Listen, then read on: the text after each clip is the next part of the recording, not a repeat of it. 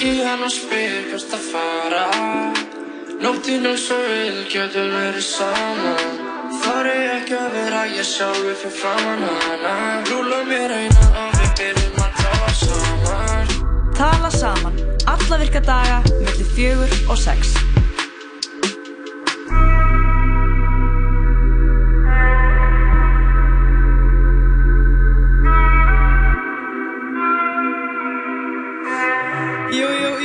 Tala saman með þér á þessum dundrandi, sleipa og stórhættulega föstu. Sleikjandi fyrstu degi. Nei, ég sagði það aldrei, Ísak. Kynningsson, ég sagði sleipa. Heyrði ég rétt? En uh, Ísak Kynningsson, Ingebjörg Gíða og Birna Mari ætla að fá að fylgja þér í gegnum þetta fína síðdegi og inn í helgina. Og jú, við erum að reyma okkur danskona því það er fyrstu dagur. Ég veit ekki hvort að eh, ég og Ingebjörg séum þó að við erum á okkur reyna dansskó, við erum, Nei, en kannski- þú kannski fer einn á klúbin í kvöld. Það er kannski allir að fara bara inn í skona og, og fara bent í lærdóm. Já, ég held að það sé frekar stemmingin fyrir helginni. Ég held að mér skjáttlist ekki núna þegar ég segi að þessi helgi verði ekki djamhelgi. Þóttu mér að skjáttlast, hvert einu skipti sem ég fer með eitthvað, þú veist, helgarna, En helgina þó, þá framöndan. er, þá er HR kannski svona, getur fara að leifa sér og Já, ymmið, mér skjáttlast aftur, skilur þið, ég bara... Svo veit ég til þess að sko, það er vísó með þess að hér í kvöld Þannig það lítur að vera einhver sem að Já, alltaf stimpla sig inn Já, mér skildi í að það sé lista áskólinu, það er nú aldrei neitt sem lærir neitt þar. Það er nú bara Nei, einhver- ég meina einhver þetta er bara trúður list. sem það- Listinn, hvað er það? Nei, nei, við erum að grínast Þetta er hérna Þetta er bara grín En það verður þá enn áhugaverðar að lappa um bæinn, eins og við töluðum um síðasta, síðasta fyrstu dag, að lappa um bæinn og bara skoða, þú veist, fara Já. bara, lappa í gegn, ég er líka með svona leik, sko, að fara inn á stað og það er bannað að stoppa. Þú veist, þú lappa bara inn, lappa hring og það er bannað að stoppa. Það er góður leikur Það er góður leikur. Sem ég fari Vá. í eina krónu Ísak fer inn á skemmtistæði og lappar nokkra Og ringi. það heitir maður ekkert sem að þykja, já, já, nei, bla, bla, Nei, bla, nei, ég er að mikill hraðferð Ég er að mikill hraðferð Ég þarf að beinsleið út aftur Kemur aftur inn Nei, en um, þetta er samt svona einmitt Kannski ekkert beint mesta partyhelgin Þannig að þú veist Þetta er bara svolítið líka, þú veist, við ætlum að hafa bara notalegt hérna hjá okkur, við erum að fá fullt af gestum til okkar og Já. bæði, þú veist, fræðandi og líka bara til að peppa einmitt bæinn, sko. Mhm, En mm fyrstu gestir dagsins eru einmitt þeir sem að hver ætlar að koma frá röngin. Það er Steinþór Helgi, Já, hann kemur frá já, Röngun, það er nýr staður sem er eh, nýopnaður á hverfiskutu. Opnaði í gær, Já, hann heyrði aðeins í okkur í gær og ringdi hérna inn og vissi lagið sem ég var að spyrja um, jú, jú, en uh, það var lagið Barbie Girl að í sjálfsögðu. fyrsta lag, en hann ringdi hérna inn og var með rétt svar og var þá bara að, hvað, leggja stað niður, á, niður í bæ, niður á hverjuskutuna Mhm. og þar var opnunarpartí í gær. Já, þeir opnaðu staðin í gerð. Þetta er svona, Þannig að við ætlum að heyra meira frá þeim stað og eftir. Já, staðurinn Röngen. Skemmtilegt nafn. röngin, æ, við erum að fara í röngin. Ah. Svona orða, orða grín, alltaf gaman að því. Mhm. En uh, svo ætlar Indiana Jóns að koma til okkar og spjalla hans um nýju bókinu sína. Hún, Fjarþjálfun, já, heitir hún það hún, ekki? hún gaf nú út, bara hvað var það ekki, bara byrjun vikunar þegar hún, hún tilkynnti að, að bókin væri komin út. Já, Bókin Fjarþjálfun, þar sem hún fer í gegnum fullt af æfingum og, og alls konar. Bara matur, æfingar, já, hausinn. það er sko matur, uh, hlaupaprógram, æfingaprógram og hugar, eða svona hugafarið, og það verður gaman að fá hana aðeins inn og spyrja hana af því hún er bara ung og þú veist hvernig er það bara hendi í bók ef maður ekki bara á. Gramminu og þú veist við ætlum bara aðeins að fara í gegnum þetta með henni og spyrja kannski bara hvernig líka maður á að vera í vera um jólin, hvernig maður á að trýta sig vel gegnum jólin og þess að kannski að borða yfir sig Ég er spennt að vita hvað hann segir, sko. Ég na, er búin að vera að pæla mikið í þessu, svona hvernig maður á að hafa æfingunum yfir jólinn. Já. Og þú veist, hvernig maður ætlar að gera þetta, skiljur, því maður vill ekkert vera eitthvað. Já, ymmit, yfir prófin, ég var bara eitthvað svona, hm, ég ætla að kíkja að taka létt active recovery á eftir. einn ring í kringum Já, háskólan og ég var bara, hvað á ég að gera, þú ég hef ekki tíma, ég á líka eftir að skrifa ykkur að rítgerð, eða þú veist, þetta er bara svona, úf, ok, við spyrjum myndið henni. kannski getur búið til æfingaprógram fyrir þig Og mig. Nei, já, já, já, Fyrir nei, fyr- nei, fyrir þig og mig, hvað er Nei, það? Fyrir ég þarf ekki, æfingaprógram þú bara, bara fyrir þig Ó, ok. Ég ætla bara að spyrja hana hvort það er svo gott að hreyfa sig. En uh, svo uh, fáum við líka til okkar já, aðila til að við erum með jam playlista vikunar síðasta föstudag þá vorum við með svolítið öðru í jam playlista þá Mhm. var sérstakur dagur eða svona flottasti dagurinn á þessu ári Já. þannig að ammali Ég mitt. Nei, en Jú, jú. þá vorum við bara með svona greiðin jam playlista Já. við leiðum okkur bara algjörlega stjórnaferðinni þar Já, Það fór lög vel. unga fólksins. Þú vannst ekki, Ísak. Og Ingeborg var þar á eftir og ég var hérna svona Þú ég varst- var, ég þú var varst kona People's fólksins. Choice. já, ég var people's choice það er Já, já, horrið. En ég, nei, ég held samt að Ingeborg hafi unnið. Hún kom, hún kom manni alveg óvart með ymsa neglur. Já, var það? Já. Ok. Ok, Já, já. en uh, þetta er bara, fer allt undir nefnd. Já, já, já. segi Við, ég. við, leggjum stundir feld og ákveðum þetta mál og verðum komið með niðurstöðina mándaginn. En þennan fyrstu dag þá ætlum við ekki sjálf að sjá um Damblistan. Ó nei. Ó, nei, við, við ætlum fáum að til fá okkar, kempu. við ætlum að fá, já, algjör að kempu. Arnar Eggert Thóratsen ætlar að koma til okkar. Um, fyrir þá sem ekki vita hver hann er, þá er hann fyrst og fremst mikill king á höfðingi. Já. Hann er prófessor við Háskóla Íslands, er þar að kenna fjölmjölafræði. En hann er sko- bara fyrst og fremst fræðimaður um dægutónlist. Já, hann Já, er og svona þekktur fyrir það í samfélagi. prófessor. Og Hann er bara búinn að vera fjalla mikið því í fjölmiðlum um alls konar dægutónlist og áhrif dægutónlistar á landan og jólatónlist líka.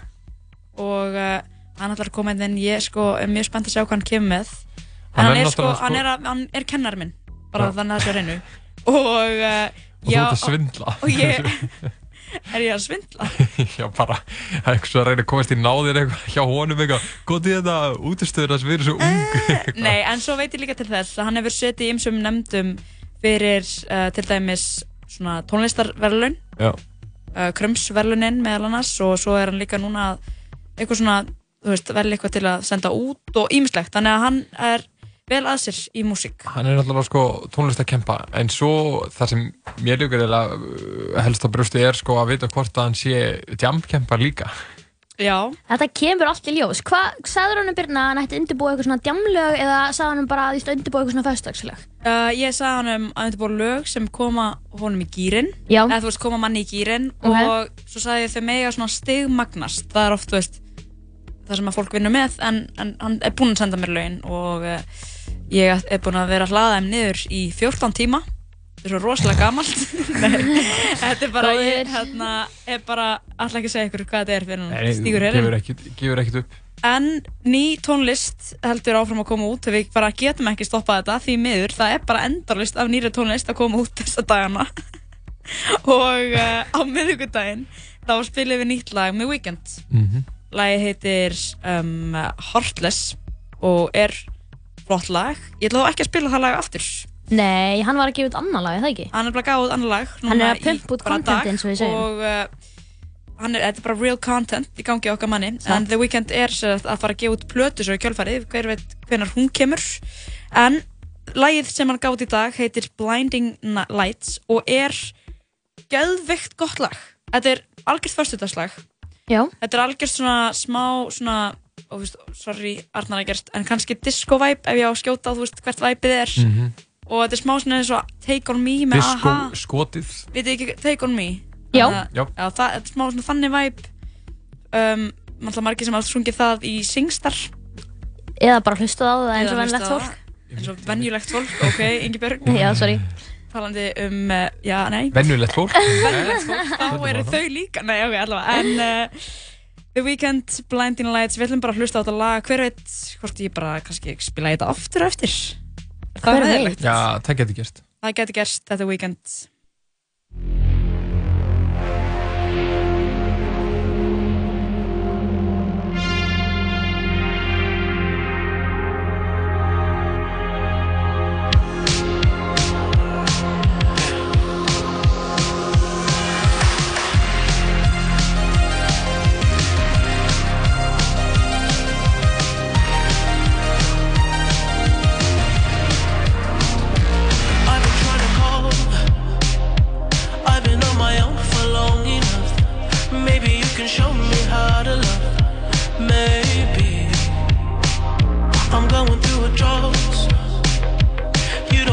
have to do too much. You can turn me on with just a touch.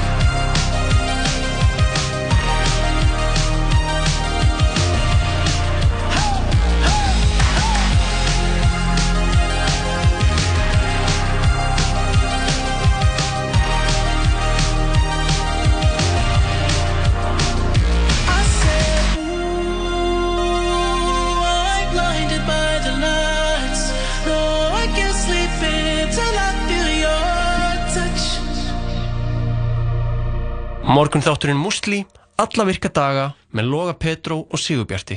Góð þjónusta breytir öllu. Sæktu nýja Íslandsbanka appið og vertu í hópi ánægðustu viðskiptavina í bankaþjónustu á Íslandi. Íslandsbanki. Hamburgerabúla Tómasar. Vatn er sigurlust. Hamburgerabúla Tómasar. Réttu mánaðarins er hot en stikki svínakjöt með brakandi fersku grammeti og rjúkandi jasmin hrískorunum á aðeins 1890 krónur. Nings og kroppurum blómstrar. Þú ert að hlusta á útvarp 101. Já, já, þetta var uh, það nýjasta frá tónlistamannum The Weeknd, aðeinslegt lag. Lag. Lights. Bet, betur en hittlaði. Betur en hittlaði, svona meira stuð og kom hann kannski aðeins meira óvart og þetta er bara ferskt, við viljum, við viljum þetta góða ferska ting en um, já, hér eftir öskamastund ætla, ætla Steinþór Helgi að koma frá Röntgen og uh, segja okkur frá þessum nýjasta og ég held að við ætlum bara aðeins að halda áfram að ég blasta góðri Skemmtilegri músík. tónlist. Skemmtilegri tónlist, það er eitt lag sem að ég hugsaði að leiðin eitthvað svona, mm, mér vantar eitthvað svona eitt pepp lag Já, og hvað er það? og uh, já, þetta er bara verður ekki gamli einfaldara. gamli góði. þetta er bara Gamli besti. Gísli Pálmi, lagið Ískáldur Let's go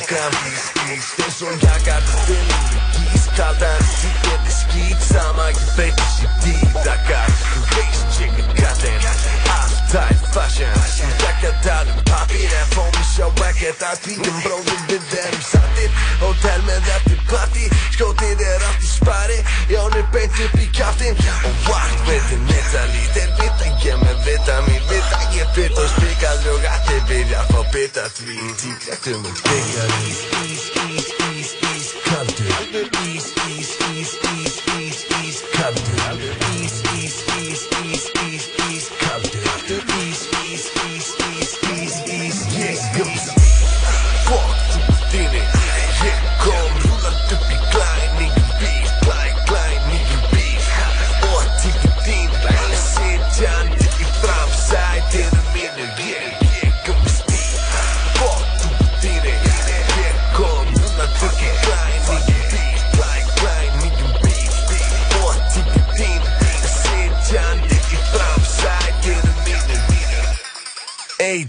dík, þú fattir það Reykjavíkur undan um að gælka þar Veg hvítast með papira Ný íbúð allt pakket lags Geta verið kífi í ananas. Ég blanda mér í annan glas Þú fyrstir allt upp í tí Að marka það, þú fyrstir kallt sem ís Pakket das Bíla með svona enn gýr sem ég sporta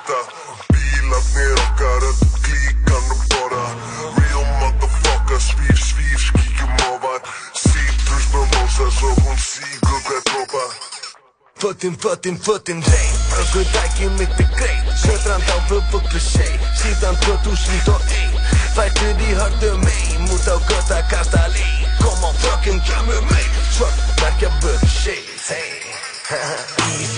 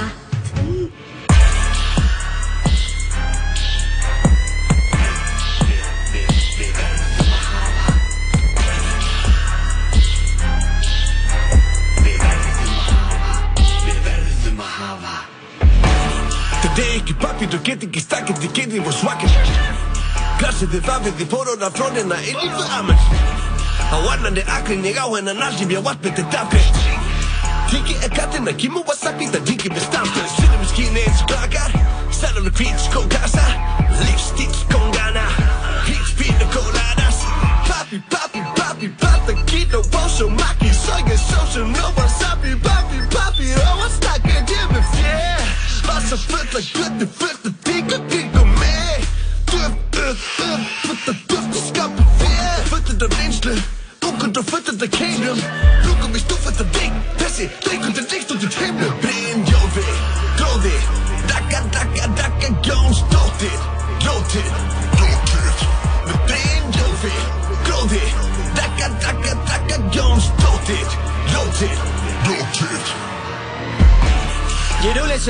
shit nú múst alltaf í einhver peninga Ég deili úr kóta er ekki nóg til að en nema Sjekkaðu felgarna, kotti bíkerinn í gefinu perðuna Sætið ferðina, dætuna, degra að sé sem allir ger allt fyrir peninga Men það er að sjöni, ekkert að döfinni veist að ég gef ekki Frá 0 upp í 200 klokkur sem fyrir ég hef ykkur tölu á En ekkert að gefa þér allt annað level að hvernig við förum að Þeir krakk ekki hverð og hvernig við stjórnum í Góði, þú veist ég er alvöru bói Þó ég só ekki pening í bling og þannig svo Jón Stóri. Ég bengi svo tussu lórið Frá krandanum upp í kórin. Ég er bólin, bólin Ég og DP ír af lóðin Blóm Jófi, gróði Dakka, dakka, dakka, Jónsdóttir Ljóttir, ljóttir Með Brynjófi, gróði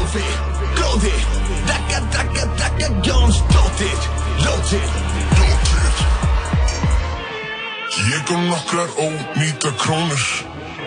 Sem hverfa eins og fótspor í snjónum. Engin óhultu bróður þarf að sóa sem lóum því ég veit að þetta fyrir það er óvinna fóður. En allir vilja brauð bita. En ég við þennan auð vita gef mér pening, pening, pening, pening, pening, pening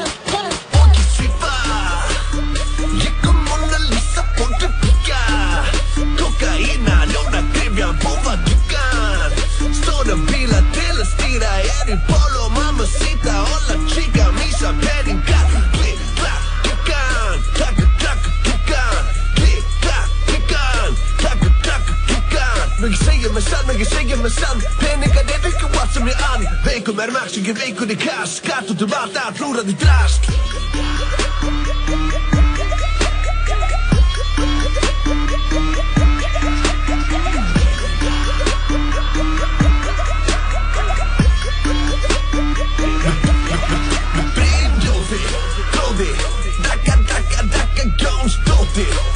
Ljóttir Með Brynjófi, gróði, gróði Dakka, dakka, dakka, Jónsdóttir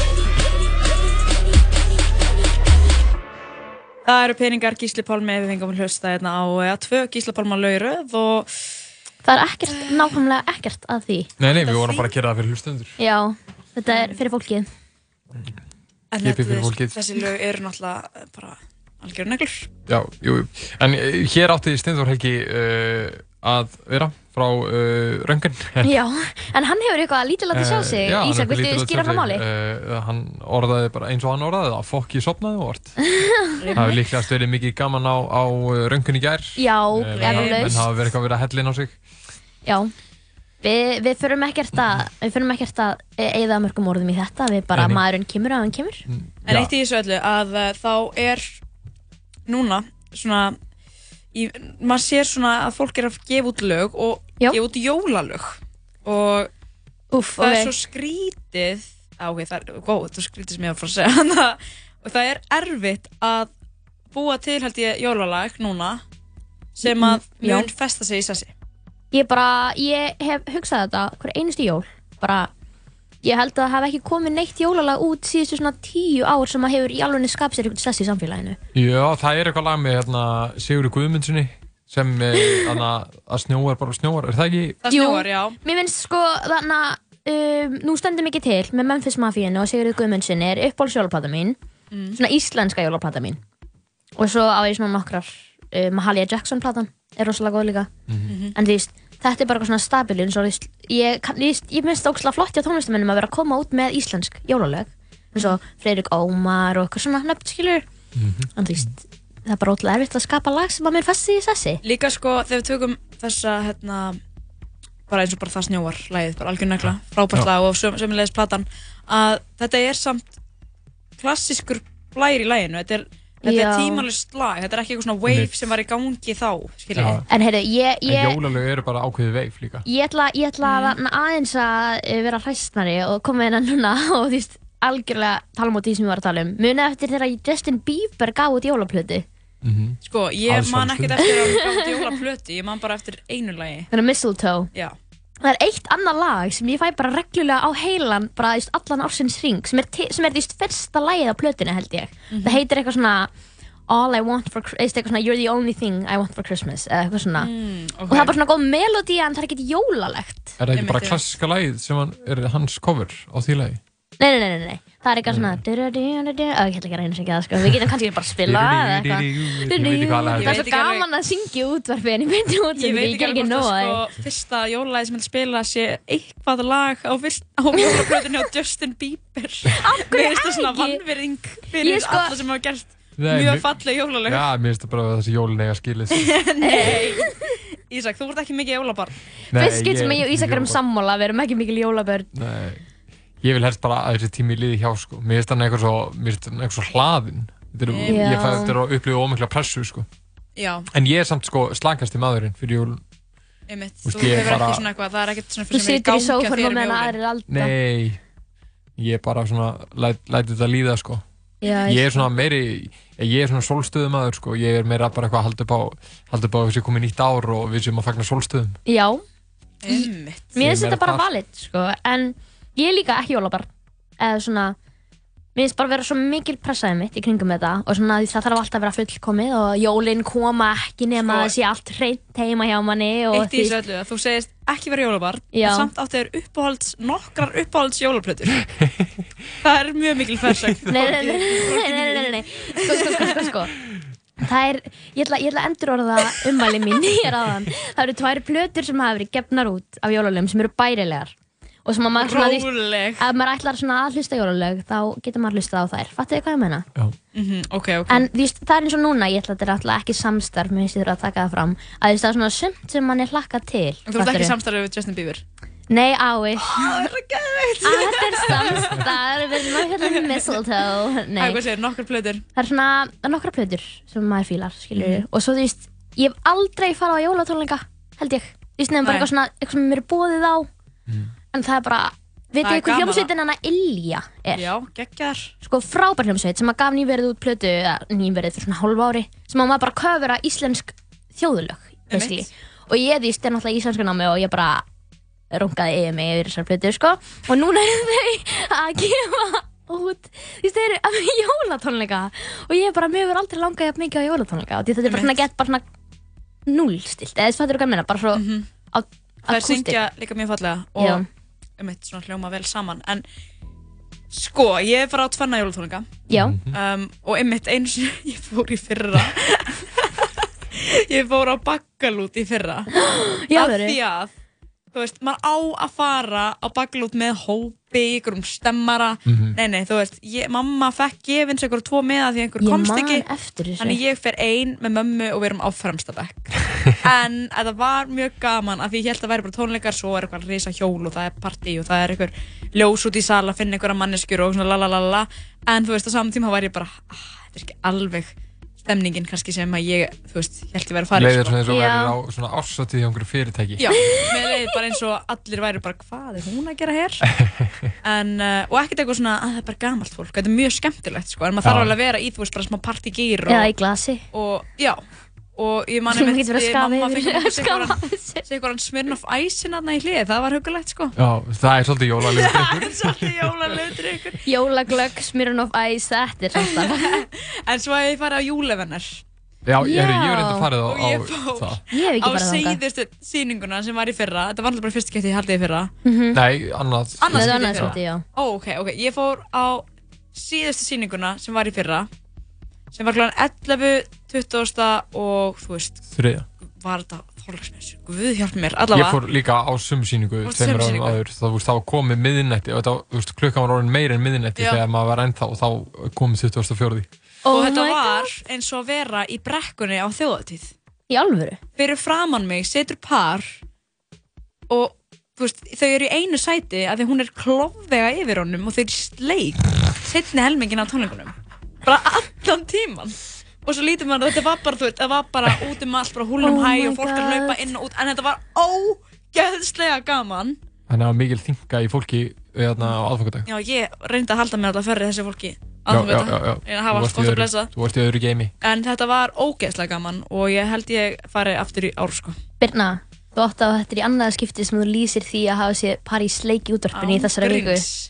Nú, Þetta er alltaf að lenda í þessu. Ég lendi í þessu-? Já, hvern, hvernig var þetta aftur Birna? Á kringlubílastæðinu Já, það var rétt. það, var líka vel óþægt Þú varst að labba út í búð og þú voru ennþá í sleik, þú Þau voru komst ennþá í tilbaka. sleik, bara, ah, andskotin sko Ég átti að fara á svona veitingastæð sem var gett lengi að gera matinn, skilur Já, En einmitt. ekki Já. eitthvað skyndibitastað Einmitt, þetta kennir manni það. Þetta kennir manni það En uh, já, talandi um jólalög og uh, já, svona nýjólalög þá kom, komu tvö svona ný pop rap, ég veit ekki hvað ég fælla Jólalög Jólalög? já What? Ég ætla að fá að spila annaðra Og er það fyrsta jólalagi sem verður spilað á stöðinni? Þetta er fyrsta lagi- lagið, eða jólalagið sem er spilað á stöðinni Oh my god Og uh, þetta er herran, netusmjör Og engin annar en Gesta Bó.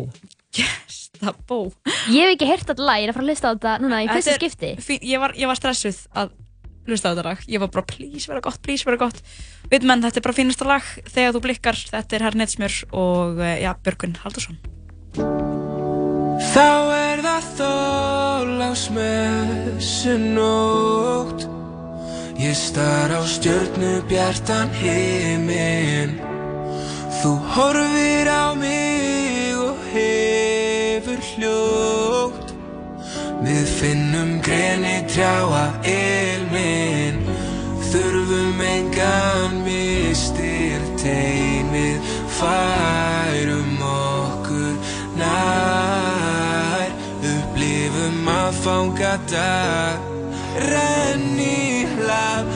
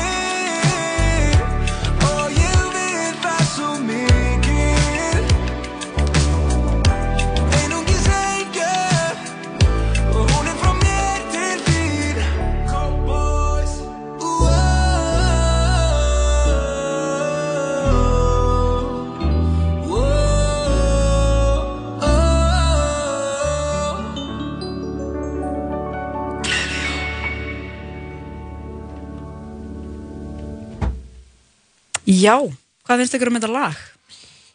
Sko, Gott lag, sko. Nú er ég að hlusta á því í þriðaskipti og það er að kikk inn sko. Uh, Dóri DNA sagði á Twitter í dag að þetta væri besta og versta Já. lag sem hann hefði heyrt. Sko, mér finnst bara gett fyndið að það sé bara bara vera að syngja um skila með það Mér finnst bara svo gott að sjá uh, Herran og Bó Halldórsson Mér finnst það, saman. sko. ég sammála, mér finnst það bara vera þeir, þetta er bara eitthvað fullkomið, þeir eru bá, báðir svona sæðlaveska menn sko og, og þeir eru svona, þeir tóna svo vel saman svo náttúrulega bara er hann með, bara að sanna það, hann er með gullfallega rödd sko. Já, herra, Ég vona að þetta sé komin til að vera. Netugeitin, hann stendur sig vel Netugeitin, það er Ég er mjög spennt að sjá hvernig uh, já, staðnmóns hans gengur sem er komin er á Ingolstorg Já, hann er uh, ekki, 203 hann er ekki, ekki búið að opna með það. Nei, en uh, það er eitthvað að fara að gerast þarna Það er eitthvað að gerast. Það Það, komið það, og var einhver, já, einhver mynd búið að byrta fyrir, með herran í bakið í staðinn og Þetta kemur allt með kalda vatnu eins og við segjum. En sko, ég held að áruna við svona algjörlega hérna, hvað um jólalögin í byli þennan fyrsta þá er eitt lag sem að koma út í fyrra. Okay. og þetta var svolítið kannski svona smá jólalaga icebreaker fjá svona þessari ok, svona bylgju þessari, þessari tónlistar senu svona sem við sjáum núna. Um, en það er þegar að Bergurljó gefur út ja, tvö svona jóla ármótalög einmitt. annars vegar jólakraftaverk og hitt var Gamlarskvöld og uh, frábær lög Já, já, já, skemmtileg lög. Skemmtileg Eh, lög. Ég var náttúrulega að segja að þetta fer gegn mínu siðferði sko að vera að spila öll þessi lög, jólulög núna og það er ekki eins og komið fyrst til desember. Ég sko, ég var Já. að tala um þetta Við, við tölum um þetta við Arnar að gert á eftir og þetta er því að heima hjá mér er búin að vera miklar umræður um þetta og þú veist, ólíkt því kannski sem að gengur að gerist á flestum íslenskum heimilum að þá eru við börnin mjög á móti því að vera að byrja að spila jólalög. Og stjúpappi minn og mamma mín er alltaf bara við veitum að spila þessa plötu og þessa plötu og þessa plötu. Og ég er bara að að hætta þessu. Og svo veist, var svona saman lágkvörðun og þetta sé þú veist, fyrsti desember er á sunnudaginn. Mhm. þannig að nú er þetta svona helgin og manni langar til að hlakka til helgarinnar og þar af leiðandi má byrja að spila jólalög í dag. Og ég er búin að ég er ekki jólabarn Ég er ekki jólabarn, en þetta er bara svona, þú veist, þetta er bara svona almenn, En þú hugsa mikið um þetta samt? Já, ég er bara, ég er bara prinsipkona, sko. Eftir þetta er svona reglur og svona? Já. Sko, en ég held að mér finnst alltaf vant bergulega að koma með svona nýjan blæ inn í, inn í jólalaga um, svona hérna stemmurninguna Já. Algjörlega. og hann að brjóta upp á þetta. Og þetta er ástarlag jólakraftaverk. Mhm. gott lag. Og, og er það, og veitum við, er það, er það sungið til einhvers Ok, eins, var það gefið út með læginu? um, Kom ekki, bref með læginu? ekki svo ég viti en, Nei, þú veist ekki um það. en við kannski Jæja. sendum honum Við skeyti sendum Já, honum við hann. skeiti og komum með þetta en eftir lægið til hvers lægið er skrifað en við ætlum að fá að hlusta á þetta fína lag þetta er Bergur Leo, lagið Jólakraftaverk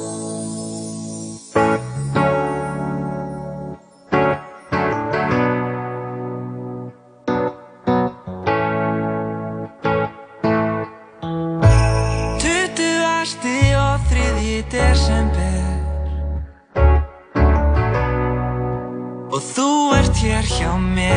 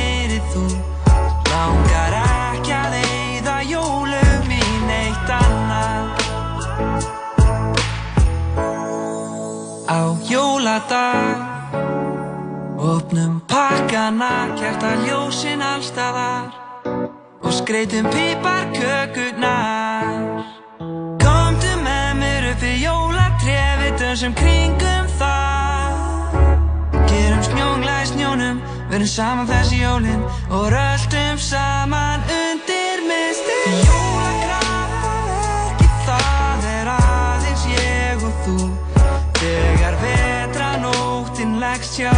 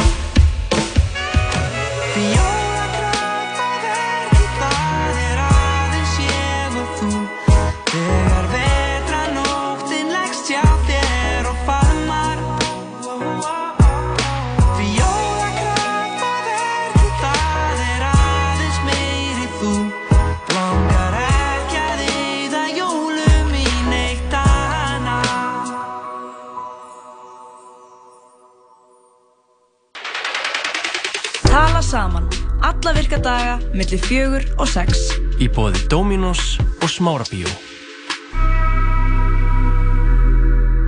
Jú, jú, þetta var Bergur Leo með hvað, Jólastjarnan? Nei. Jóla- Jólakraftaverk. Jólakraftaverk uh, og hingað er komið eitt lítið jólakraftaverk það er Helgi Andersson hvað segiru? Ég segi mjög gott, en þið?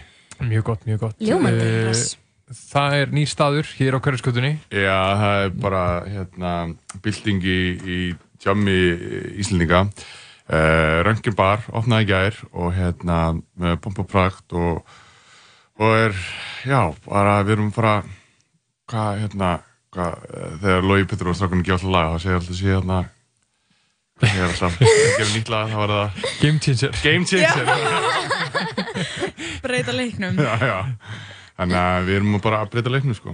Bara að að skrifa söguna sko. það er bara nýtt. Svo að fólk átt sig á hvar staðurinn er. Þetta er þess að gamla húsið sem uh, nafnlausi pizzastæðurinn Nafnleysi pizzastæðurinn Sistir og Mikkeler var. Já. uh, Hverskölda 12 um, og hérna að móti 101 hóteli. Um, og já, ég veit ekki þetta er bara bar sko Mhm. og það er allir að spyrja, þú veist, eitthvað já, ok, næs, eitthvað, nýr bar, hvað hver er veist, hvað er svona, hvað stemning er það, eða, þú veist, Mhm. hvað er það svona, hvað á að vera, þú veist, hvernig ætla að brandi þetta, skilur, við bara, ég, bara, þetta á bara að vera bar, sko Það er bara bjór í bóði og, Já. og með því það er bara jam, sko Já. Það sem Og þetta er, sko Þú prófaðir aðeins staðan í gær. Já. Aðeins að máta, aðeins að prófa þetta Það fyrir. kannski heyri smá röddinn á mér sko smá, rám, smá rám í dag en, hérna, en þetta var alveg gæðið í gær og hérna, mikið góða fólki og, og, og svo erum við með þú veist, FM Belfast DJs í kvöld og, hérna, og það verður svona þú veist, það, jú, ef kannski þeim er ykkur, ykkur þá er þetta eins og þetta sé ógeðslega vel pródusera heimapartí sko. Einmitt. Já, húsi er líka þannig, þetta er náttúrulega bara gamalt sko Uh, bara gamalt einbilshús basically.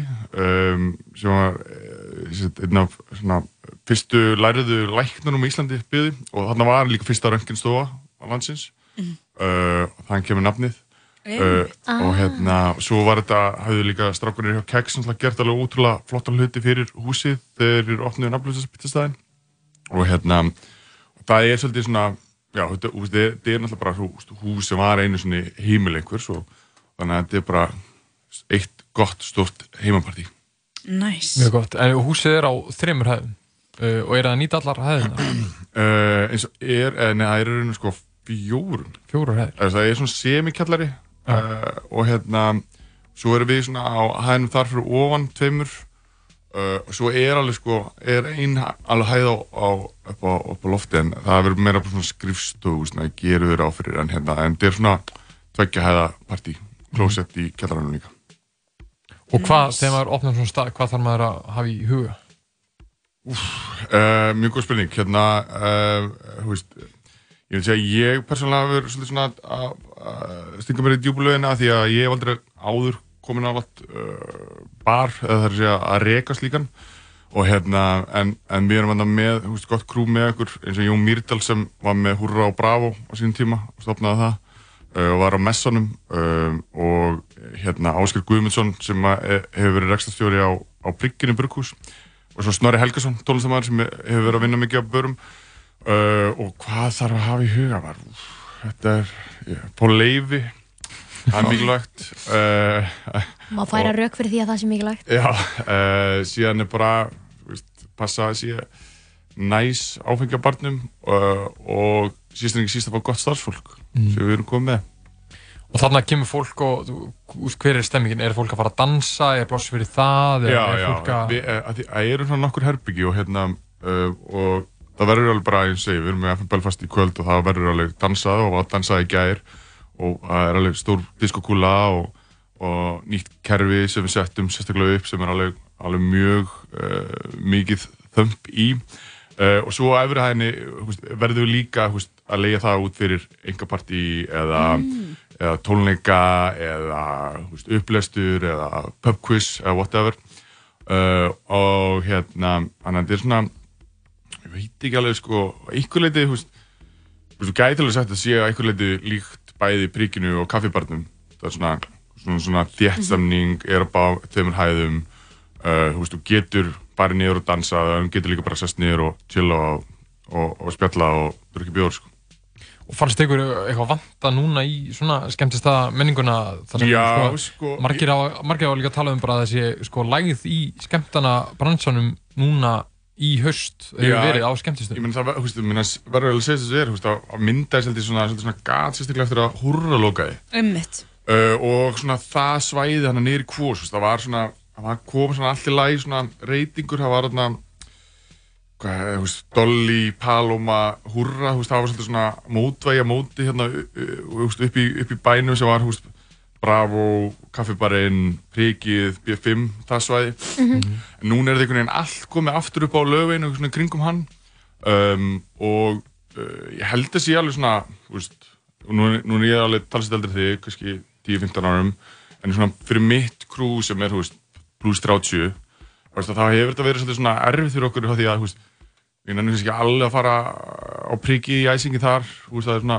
vera einhver, pappi þar, sko, uh, og kaffibarinn er, veist, er náttúrulega geggjaður en veist, hann getur svona verið svona, svona aggressífur, sko, uh, og, þú veist, þannig að fólk var bara eitthvað, allir bara að byrja að detta inn á eitthvað íslenska barinn og eitthvað ölstón eða spænska barinn bara því að, þú veist, Einmitt. að hafði ekki stað sko, til þess að chilla, skilur, ég var bara eitthvað, ég veit ekki, ekkert tíma löppu bara eitthvað, römbuð inn á íslenska barinn og eftir smástundu var hann bara fullur af bara alls konar liði sem var bara eitthvað, ég veit ekki hvert ég á að fara. Þannig að þið tókum málinn í ykkar einn hendur Já, og bara segja saman þetta sko. fólk uh, og hérna, þannig að við erum svona vonast til að þetta verði svona nýtt krydd sko og við erum ekkert að stæla neitt og við ætlum bara að vera með veist, okkar stemningu og hérna, okkar vibe uh, og bara vonandi að fólk bíla það sko Mhm. Ummitt, geggjað. Ég hérna er spennt að kíkja á þetta. mm Ég er spenntur að fá þig Það ekki, er bara eftir próf. Við yngi bara kíkjum það. Já, við erum alveg bótt með En það er samt spurning, sko, lóka spurning, er aldurstakmark? e, já, já, það er bara að verður að vera bara. landslögum sko Ingi Björg, sorry. Þú. Já, ég ætla að fara, ég ætla að hvort sem er bara að fara local. Nei, Hvað er er ekki samstarf. Ég er 19 ára, ég verð 20 í vor, Já. þannig að þá kem ég. Já, en, þú veist, mátt, mátt, það er, þú veist, það er svona í lögunum, þú mátt- vera átján Maður má vera inni, Já. en maður má ekki panta sér neitt. Mátt ekki fanta ráfengi, sko, en ég get selt þér eitthvað, ginger ale eitthvað. Já, ég er mikið í kaffinu, sko, Já, og líka bara í vatninu. Eða bara booch. Já, Kombucha. eða kombucha. Já. Ef þið selja kombucha, þá er ég mætt í kallarann. Ég skal byrja bara að taka það inn og ég er selja eitthvað sem ég á svona 15 kallan í græði. Ummi. En sko, eitt lag sem að svona greip stemninguna í gær, hvað var það? Eða kannski mun grípa, grípuna í Það kvöld. það var lagi, ég var að segja ykkur í símanum í gæri hérna, uh, Bailando með Paradísa. Þú verður eiginlega að spila það, sko. Það er svo, það er svo mikið gýrun, sko, það, það er, það er ég spila það. Ég gýra svo upp, sko, það er bara, Ég veist, ég hlusta á þetta á föstuðinni í vinnuna, þú veist, það er bara óstarfhæfur eftir það, ég er bara, tjúnast allir upp og bara fuck, ég er, ég var bara að plana bara eitthvað fyrir að ringi strákana, bara, "Heyrðu, eru ekki að hittast bara, fá okkur drikk eða. Það er eins gott að það verið spilað í kvöld Steinar Helgi, allir á ringun í kvöld uh, og næstu helgar og vonandi lengur en það. Já, ég vona það líka. Til til til æviloka. Takk fyrir komuna.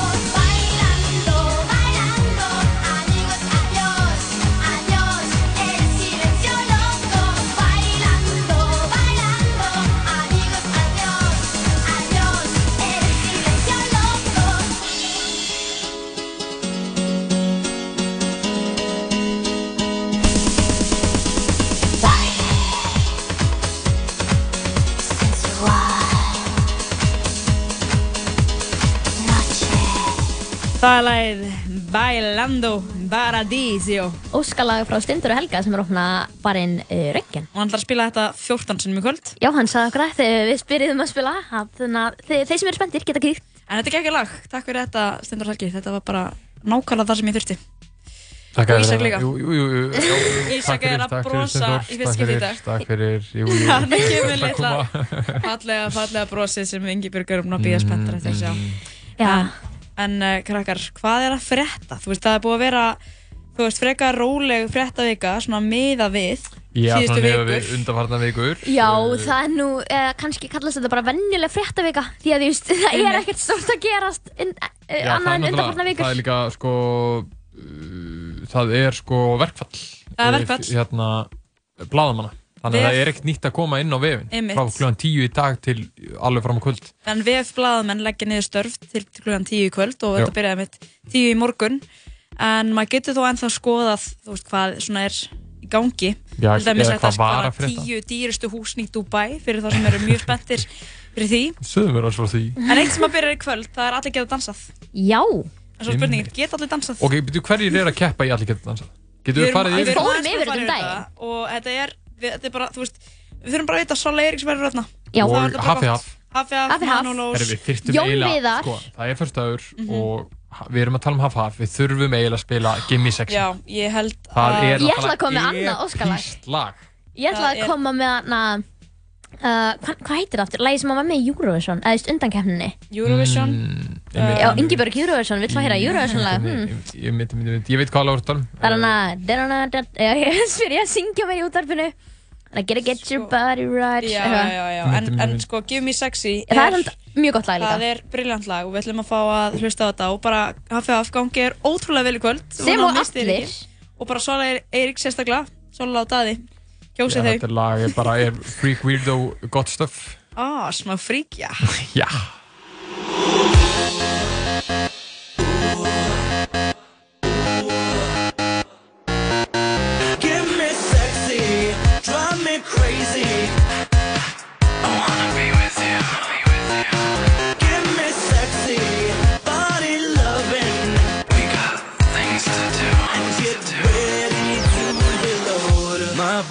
body's burning up. I don't know why, but I really think it's you. On this lonely night, I'll take you on a dirty ride.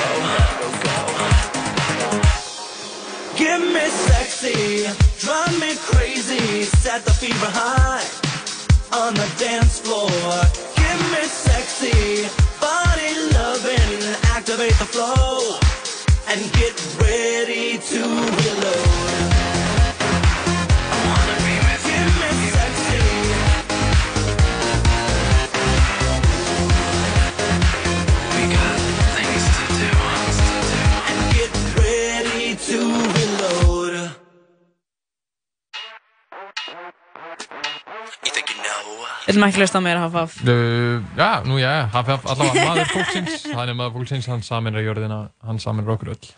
Það er erfitt að hann. Já, það er erfitt að hann hefði aldrei dæmis farið út í Eurovision minnst það leðilegt Já, það mun koma að því, hann á fullt inni, sko. Já, kannski HFF hann fór og náttúrulega bara á sjóin um tíma, sko.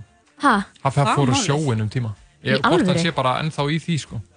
Hann í Já, já, Svo sannlega, þetta er í opnum dagskraf stöðföðu, endilega bara allir að, að stilla inn og, og horfa á fólk ja, að dansa og leifa fólki að koma sér ávart og kannski myndu skráði í kjálfarið á dansnámskeið eða eitthvað. Jep, sko, nú hef ég ekki séð allir gett dansa. Hvernig virkar þessi kemni? Sko fyrsti þátturinn þá dættur engin út. Þau eru Já, eða, svona, bara hvernig, já, en hvernig virkar? Er bara hvað, allir Þetta er bara svona dansþáttur sem er innblásin af uh, uh, bandarískri fyrirmynd Mhm.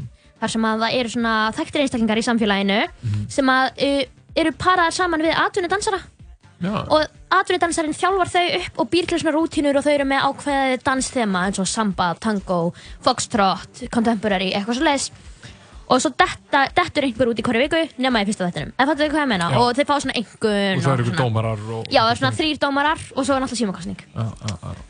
Einmitt, mjög gott, mjög Mjög skemmtilegt sko. Já, maður, þetta er kannski orðað þetta í kvöld? Svo fáum við bara eina viku á milli til að undirbúa næsta dans. Og það var einmitt, þannig að það voru úrslitin við vorum að tala um þetta mánudaginn, ég og Birna um allir geta dansa og það voru úrslitin í þessum, þessum bandaríska þætti á mánudaginn og þar vann ykkur bachelor, vann að bachelor-gælan Hannah Brown Aha. mhm What? Vel gert hana. Andjók, satt, sko, ég, ég, ég, ég, na, e, bara áskoðum það mikið, ef þú eru að hlusta, ekki þar. Jú, jú, Hannah Brown, ef þú ert að hlusta. En við höldum áfram í partygýr hér eftir nokkrum myndur þá kemur Indiana Jóns til okkar og ætlar að tala um nýju bókinu sína, Fjárþjálfun. Frábær bók. Gaman að, gaman að fá hana uh, hérna til okkar. En uh, við ætlum að spila eitt svona, já, bara venjulegt föstudagslag hjá mér fyrir hérna, hlustundur sem hafa, hafa hlustað á þáttar sem ég er á tökkanum á föstudegi þá eh, á ég til að spila þetta lag í hverjum einasta föstudagstætti. Ok. Þetta er Kelly Clarkson uh, hækkaði bótt því að lagið heitir Since You've Been Gone.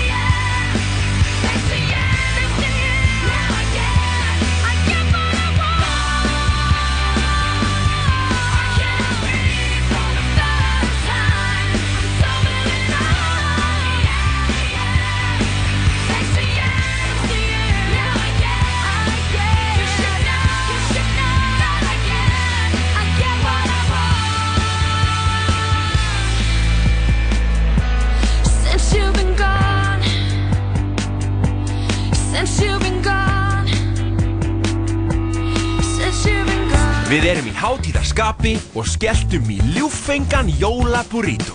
Komt og prófaðu. Serrano. Fresh. Happy. Max. Þú getur hlusta á alla þættina af Tala Saman á Spotify. Jú, jú, við erum komin aftur, klukkan er fjóra mínir yfir fimm á þessum með eitur hættulega. Mjög eitraður og mjög hættulegur. Hann er eitraður, sko. Það var Það mikil sko. það var frétt um það að það var eitthvað svona ótrúlega margir á Slísó. En ég, las, en ég er bara svona las fyrir sögnuna. Já, fólk er bara, þú veist, með einhverju rítgerðar vittlisu og lærundi próf með einhverja sinnaskeiða bólgu og njálgi í rassinum og þetta Já, það, það, er ekki, það er ekki hálka. Nei, nei, nei. Nei, nei, nei, þetta er bara eitthvað, þetta er bara eitthvað klikkað fólk. Þú ert alltaf í mannbrótum alltaf, Ísak. Já, ég er alltaf í mannbrotum, passa mig, allt árið um kring Maður veit aldrei hvað er það er að gera örugur. Það besta, það, það er samt svo mikil hérna, sinni mannbrota. Bara svona braði bara. Ég vil bara að allir séu í mannbrotum og allir séu öryggir. Það er ógeðslega leiðilegt. Man lappar líka eins og fíbl þegar maður er að lappa í svona hálku. Maður er eitthvað svona skauta áfram svona. Ég meina, ég sko í gær að þá, þú veist, ég er alltaf segra sögur, en í gær að þá skuttlaði vinkonum minni heim eftir hún rann á rassin eftir æfingu í brekkunni í mjölni og svo kem ég heim og þá stjúpappi minn búinn að býja eftir bílnum og hann bara, já, það var hérna smá slís, ég þarf að sækja Vilhelm og þá, veist, er felgan á bílnum bara, fór bara í tvent út af því að hann rann í hálku. Rann hann á bílinn? Nei, hann rann bara upp, upp á okkur kant, fattur þú? Já, á- í bíl. Á var að bílnum, já, já, já, já. Ég skil. Þannig að þú veist, þetta er, þetta er ekkert að djóka með Ísak, það er í alvörunni hálft, nei, ég er Já, fóka, en þú veist, maður á bara að renna sér, þú veist, maður á bara að vera í góðum skóm, Já. góðum stríðaskóm og að renna sér eftir hálkunni. eða bara vera á mannbrotum og ströðskonum. og að lappa, eins og með því að lappa einhvern jökul. Já, það er, það er einmitt mjög viðkjönd að vera í mannbrotum við Yeezy skó. Mm, já, er það, einmitt. Já, þetta Og hefur svo vera, ég í, sjálfur sagt. hérna, vera svo líka í krokkskóm yfir þeim. Já. Já, já, já. Já, já, já. Eftir að prófa það. Já, já, já. En svo er líka bara að vera á tánum.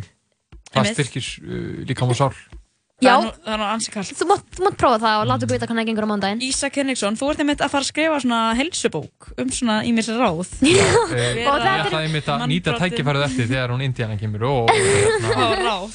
og nei, já, fá hana til að vera með í bókinni. Já, já, já. Mhm. Hún, allir hún skrifi ekki undir það að Ég hef á- að ég að hún sé alltaf á tánum. Einmitt, einmitt. En uh, mér langar að halda áfram í smá svona gýrun Já. og spila skemmtileg lög og uh, Ég veist að þetta er að spila lagið Stóri skór, en það er nú annar mál. Stóri skór? Eða hvíti skór. Já, já, Hvíti Stóri bolur, skór, mér finnst gullkeðja. einhvern veginn hafa verið að tala um það. En já, það er annar mál. Það er hérna, ég ætla að halda áfram í gýrun Já. og Já. uh, stóri skór, stórir bólur, uh, hvað sem að þið segið, ég uh, kemst ekki hjá því að spila Bak. Það er fyrst að maður kemst ekki hjá því að spila eitt lag með Dua Lipa, lagið heitir, já, One Kiss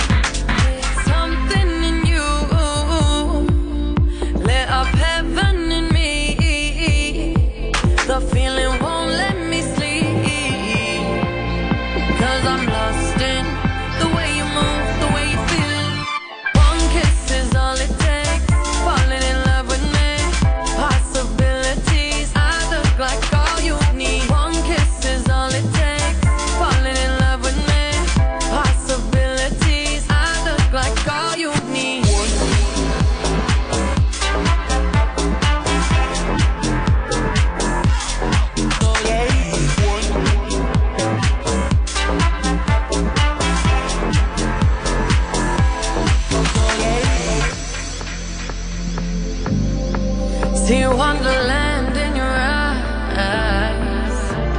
Mm. Might need your company tonight.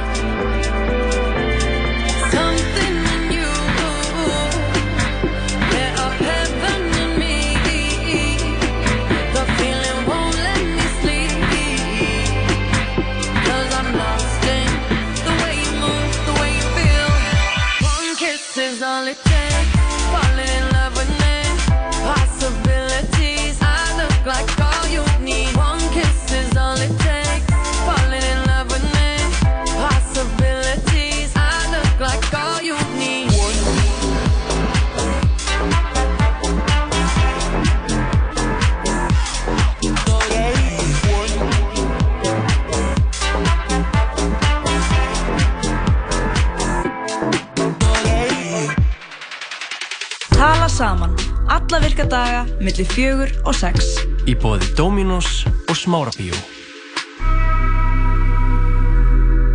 Góð þjónusta breytir öllu. Sæktu nýja Íslandsbanka appið og vertu með fjármálinn á hreinu. Allt á einum stað. Íslandsbanki. Hamburgerabúla Tómasar. Hamburgerabúla, hamburgerabúla, hamburgerabúla Tómasar. Ferskt, holdt og framandi. Nings og kroppurum blómstrar. Hlustaðu á okkur á netinu á 101.life Við erum komin aftur, hér á undan var lagið One Kiss, þetta er klassíst lag, Calvin Harris og Dua Lipa saman að gera þessa neglu sumarlagi 2018. En Mhm. krakkar, í dag er svartur fössari og Já. uh, þetta er búið að vera, þú veist, mikið umræðinni, sérstaklega hjá fyrirtækjum sem að kannski eru svolítið svona gegn, eða já, stiðja þetta ekki Einmitt. og hjá fólki sem stiður þetta ekki og ymsir sem hafa tjáð sig um svartan fössara og all, alla þessa uh, hvað getur við klikka, nei, kalla þetta klikkun sem að kemur í kjálfarið Já, við skulum segja að það sé uh, dimmt yfir borginni Já. þennan svarta fyrstdag Það sko, ég fagna því að sé komin betri og opinskori umræð um þetta en var hlæmis í fyrra. Þá er þetta svona aðeins meira tabú að tala mót þessu, en mér finnst þetta vera í alvörinu bara núna betra. Ég tók ekkert eftir því í fyrra, Já, ég tók hvorki eftir því að væri svarta fössari og heldur ekki, neða eftir því að fólki væri eitthvað móti, fatið? Já, Nú fannst ég- mér bara geð mikið sjá það og geð mikið sjá líka fólk vera að tala gegn. Sko, mér finnst þetta svolítið svona pyrrandi, eða svona ástandi og því þú veist, auðvitað vill maður ekki vera að kaupa hluta óþöru og maður talar á móti neyslehyggju en á sama tíma þá er bara fullt af fólki sem að býður eftir þessum dögum því að það þarf að kaupa eitthvað og það hefur ekki efn á því annars, fattu hvað ég meina? Mitt. Og, og þannig engin að þú veist, skömm, skömm yfir því sko. Já, engin skömmi við því og þú veist, maður hefur alveg sjálfur lentur í þessu líka, sjálf, sjálfur lent í þessu líka, fattur þú? Þú veist, eitthvað svona, bara, þú veist, þarf að, þarf að kaupa eitthvað, eitthvað skó eða eitthvað, skilur og bara, ég get ekki kipta á nema með 20% afslætti og Já, það eða fólk að kupa þóttæðilega fyrir heimilið eða eitthvað Já, já, Það. Elko er alltaf með eitthvað svona rosalegt eða eða eitthvað önnur raft, ónefnd ráftækjaverslun Eh, en þú veist að ég veit það ekki, hvað finnst ykkur um þetta? Finnst ykkur, finnst ykkur neysluhyggjan vera að aukast í kjálfar eins og svarts föstudags?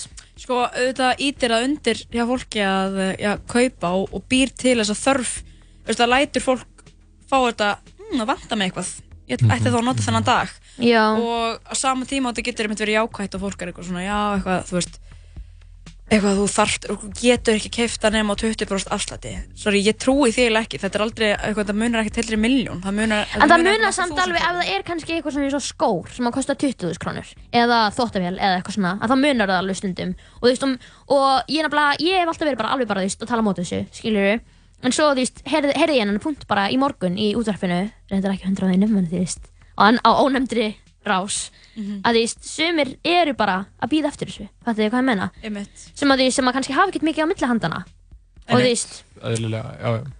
Ég held að þetta sé nú alveg hugsa svona að einhverju með góð mennsku en þetta er náttúrulega yfir höfuði er þetta, þú veist, kapitalismin Já, yfir. fyrirtækin er ekkert að reyna að vera góð við þig með því að lækka allt í einu afsláttinn. Þú sér það veist, eins og á alls konar svona bara starfsmannakjörum eða kjör sem að áhrifavaldar fá. Þeir eru kannski að fá veist uh, 50% afslátt. Og þá eru þau meiri, þá er verslunin ennþá að hagnast. Álagning á venjulegri vöru en á Íslandi getur verið alltaf veist 70%, eða fattur hvað ég meina? Og þannig líka bara sem verslanir virka þannig, þannig virka bara verslanir og svo finnst mér líka vera svona því uh, ein, einn punktur í þessu nú er ég, að, nú er ég að fara að tjá mig um þetta eitthvað að veist, eins og með að það langa í eitthvað þú veist, um leið að maður átta sig á að maður aldrei að fara að fá í það bara að mér langar í það mér, mér, mér, mér er búin að langa í þetta ótrúlega lengi fattu þið hvað ég menna og svo bara eitthvað svona, að það er tækifæri núna, ég get keft þetta. En maður er aldrei að fara að hætta að sjá hluti sem manni langar í. Fattu þið hvað ég menna það er til þúsund miljón skriljón hlutir í heiminum þar af mun þig langa kannski í þriðjungin á þeim. Eða fattu þið hvað ég menna þannig að þú veist, þú getur ekki, það er alltaf bara að fara að koma nær, næstu hlutur og næstu hlutur og meðum ekki gleyma okkur í þessum augnabliks kvötum. Nei, en svo líka eitt í þessu að þetta er raunin kannski fyrsta árið sem að ég bara í alvörun er eitthvað að pæli í þessu Já. pæli í því að eitthvað, hvað svartu fessar, hvað er í gangi? Eitthvað, og af hverju er það slæmt og af hverju er það gott og þetta hefur kannski verið bara sem að bara í gangi bara alveg svo að kemur eitthvað krínlukast og að kemur eitthvað minnætturopnun og, og allt þetta. Já, ég skil. Að mér finnst þetta samt líka að vera bara að þetta er ekkert eitthvað svona bara í kringum þessa daga sem áttu að vera eitthvað þið vantar ekkert, þið vantar ekkert eitthvað hérna, heldur, þetta er bara bara með allt, bara með vikuna sem að, bara þess að venjulegu hverstags bara legu viku, þess að venjulegu daga bara að þú ert ekki alltaf bara að hugsa um eitthvað hvað er langar í. Og ég til dæmis í dag, ég er eitthvað ok, þú veist, á ég að vera að kíkja á eitthvað? Er, vanta mig eitthvað, fer inn tekka út til þess að síðu og ég er bara eitthvað það er ekkert þetta, að ég fatti Mér- það sé meira hugsunin sem að þarf að komast bara í allt. Og þetta er ekki eitthvað svona ég er fullkomin, heldur bara, mér, bara það var ekkert þarna inni, skiljið og kannski bara hefur farið á aðra síðu, það að verið eitthvað um bara hvort að, að maður eigi kannski ekki vera ég eigða efnum fram í einhverju hluti sem maður þarf ekki og, og þú veist, horfa bara í kringu sig og hvað er það sem ég þarf í raun og veru sko? hvað er það sem ég langar í. Já, og algjörlega bara, veist, ég sá útrúlega góðan punkt um daginn að, þú veist, með bara hlínun jarðar og hamfarlínun, þú veist, að til að sporna við hamfarlínun og að reyna að borða minna kjöt og eitthvað svo leiðis, þú veist, heimurinn þarf ekki 7 biljónir, eða mil, miljarda að fullkomnum veganistum, fattur þau, þú veist, við þurfum bara fleiri sem eru meðvitaðari um ákvarðanir sem við tökum sem neytendur. Þannig að þú veist, ef að fleiri eru ekki fullkomnir og eru bara eitthvað, ég ætla aldrei að kaupa mér neitt, en fleiri verða meðvitaðir um neyslu sína og að þau séu að reyna að kaupa minna, fattur það gerir bara ótrúlega stóran mun í þessu samingi 100% og ég held að við þurfum bara öll að einmitt, þú veist, ef við byrjum öll að hugsa okkur tvisunum um Mhm. kannski þrísvar Já. þá erum við öll komin aðeins lengra. Jú, það sem Já. færst mest bara í töðunar mér í þessar umræðu þegar fólk kallar þetta Black Friday en ekki svartan föstudag. Já, og það fer líka bara í á mér þegar fólk kallar, kallar þetta svartan fössara. Mér gæti ekki verið með sama hvað fólk kallar þetta þetta er náttúrulega bara ekkert íslenskt yfir höfuð. Nei. Já, þannig að þess vegna er ég bara eitthvað hm, Það fer líka í á mér þegar fólk heldur þakkar gerðar hátíðina hátíðlega á 50 degi. Ég er bara, en við skulum ekki fara út í það. Að, mér finnst það bara mikil stemning. En uh, við vorum að tala um að langa í eitthvað og þá þátt mér hefur að spila ljúft og gott lag á sem fyrstu degi þetta er um, hljómsveitin Hipsum Haps LSML í lífið sem ég langar í.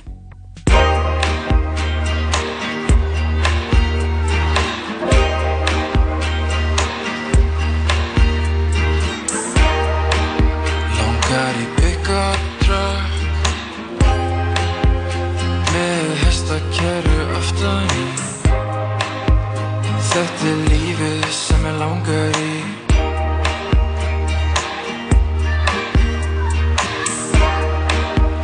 Kynnast konu sjö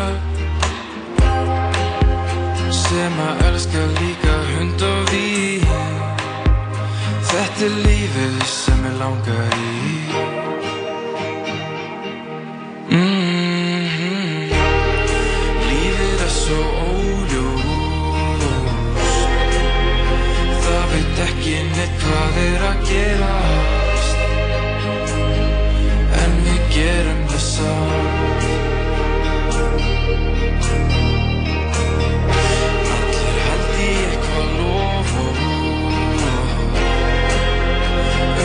verða betur en önnur vera.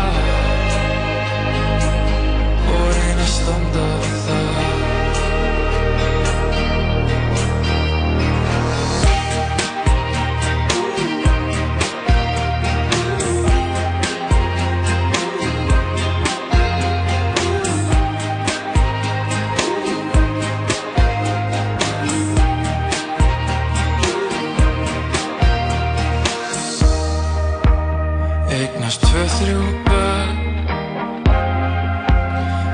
Senda stelpuna í vind á slí Þetta er lífið sem ég langar í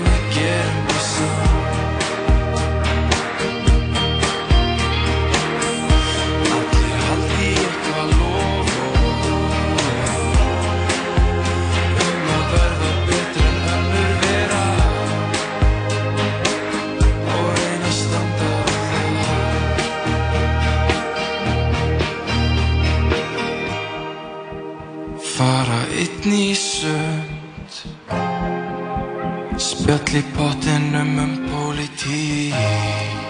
Já, þetta er lífið sem ég langar í.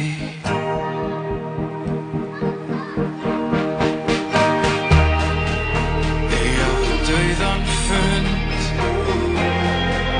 Með slöng í æð en ég brosi því. Þetta er lífið sem ég langar í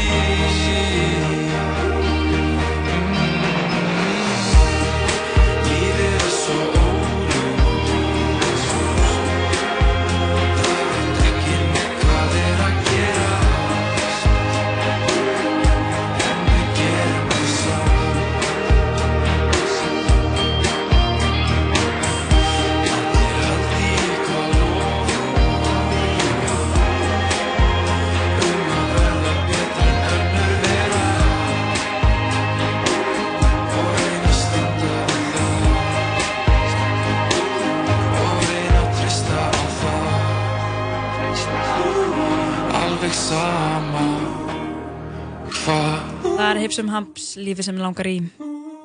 Með neyslu ekki. Já, talandi um næstu ekki, sko, lífið sem er langar í er kómískt. og, og meira gott til.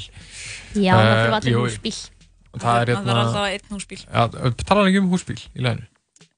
Pappbíl eða traktor eða eitthvað. Hann vill hann að Cybertruck frá Tesla. Með engum hliðarspeglum. Krakkar, í hálkunni, sko, við vorum að ræða þetta aðeins á hann, þá, þá hérna, á fólk til að verða líka lengur á ferð og það er búið að gerast núna. Sko, fyrst, eða, fyrst var það ég, Já. ég átti að vera mætt miklu fyrr, nema strætóin sem ég var að taka kom ekki, þannig ég beð bara til næsta. við vorum alveg svona lítið skvatarna í skílunni sem bara, við vorum bara svona öll að líta hvort annað bara, þú líka að taka Weird. 13, já, eitthvað svona. En hann bara kom ekki, uh, sjátt þetta strætó. Já, og- ég meina mannleg mistök. Það var bara ekki í umferð, það var málið. Nei, ég meina- sé hvað hann á að vera. Já, en þú Og veist, þetta er síðdi. Og allavega, var hann ekki bara Ég- ég- eða var árekstur? Ég vil alltaf trúa því best upp á fólk þannig að ég ætla bara að meina að hann hafði kannski lent í smá umferðar óhappi eða eitthvað ég hefur hann hafi komið upp bara, á. ég held hann hafi bara verið, bara glimt að fara á stað. Hann var kannski bara eiga erfiðan dag. En allavega, svo kemur fyrsti viðmældin og sefur yfir sig. Já, Sem kemur nú fyrir besta fólk. fólk þegar maður er að skemmta sig. Á bestu bæjum. Þegar maður opnar bar þá maður nú að sofa yfir sér daginn eftir. Já, ég, sko. ég held að ef að hann hefði ekki sofið yfir sig að það væri eiginlega verra en að hann hefði mætt á réttum tíma í stað góðs viti að bara þinn sé það góður og sofið yfir þig og hringu. Og nú erum við að býja eftir Indiana Jones sem að er först í svarta fössara umferðinni. Já, þannig að ef þið sjáu þeirri umfyrinni, bipið fast. Nei, hleypið hleypið Við viljum fá Farðu hana upp á eitthvað kant- til okkar. Farðu upp á kant og hleypt henni áfram. Og svo það er sko, að því að beinta þetta henni, þá kemur Arnar Eggert og ætlar að fara í gegnum jamplaylistan með okkur. Þannig að Pop Profitson sjálfur. Já. Það mætti lýsunum sem slíkum. Jú, jú, það, það Það má getur mætt, heldur því hann er betur. bara Pop Profitson. En uh, við ætlum að halda áfram í næst tónlist þennan fyrstu daginn og við erum búin að fara, við erum búin að spila partylög og notalega lög og bara lög, Allt þetta helsta. allt þetta helsta og mér langar að fara í Old Drake, það er bara þannig. Og hérna eru Drake og Weekend saminæður. Já. Nema, nei ok, þetta er eins og þetta sé eitthvað svona hérna, gamla Weekend accountið inn á Spotify. Þannig heitir hann ekki The Weekend, þannig heitir bara Weekend. Já. Allavega að eh, þetta er lagið Crew Love og þetta er bara í tilbyrjum þess að Drake var að followa Weekend eftir á Instagram. Býttu, býttu, býttu, býttu, hæ? Taking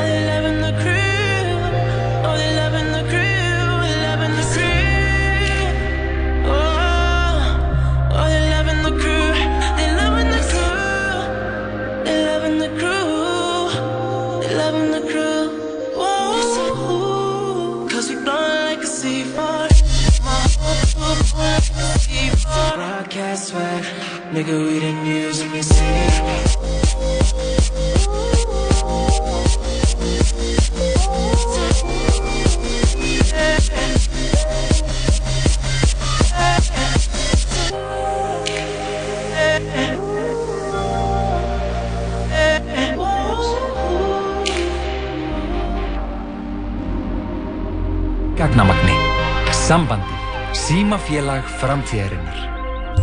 Mmm, þetta er góð matur. Skál, hlemur matöll. Við elskum nýja jólaburrítóin okkar. Ertu búinn að smakka? Serrano. Fresh. Happy. Max. Tala saman. Alla virka daga, milli fjögur og sex. Í bóði Dominos og Smárabíó. Tala saman með þér hér í þessum sleipa síti þennan föstudaginn og til okkur er komin góðu gestur Indiana Nanna Jó Jóhannsdóttir Indiana Jones eins og ég yes. Yes. kallaði bara Vertu hærtalega velkomin Takk herrlega Birna mín Hvað segir gott í dag? Herru, ég segi bara alltaf ótrúlega gott var að koma úr geðbilaðri trafík.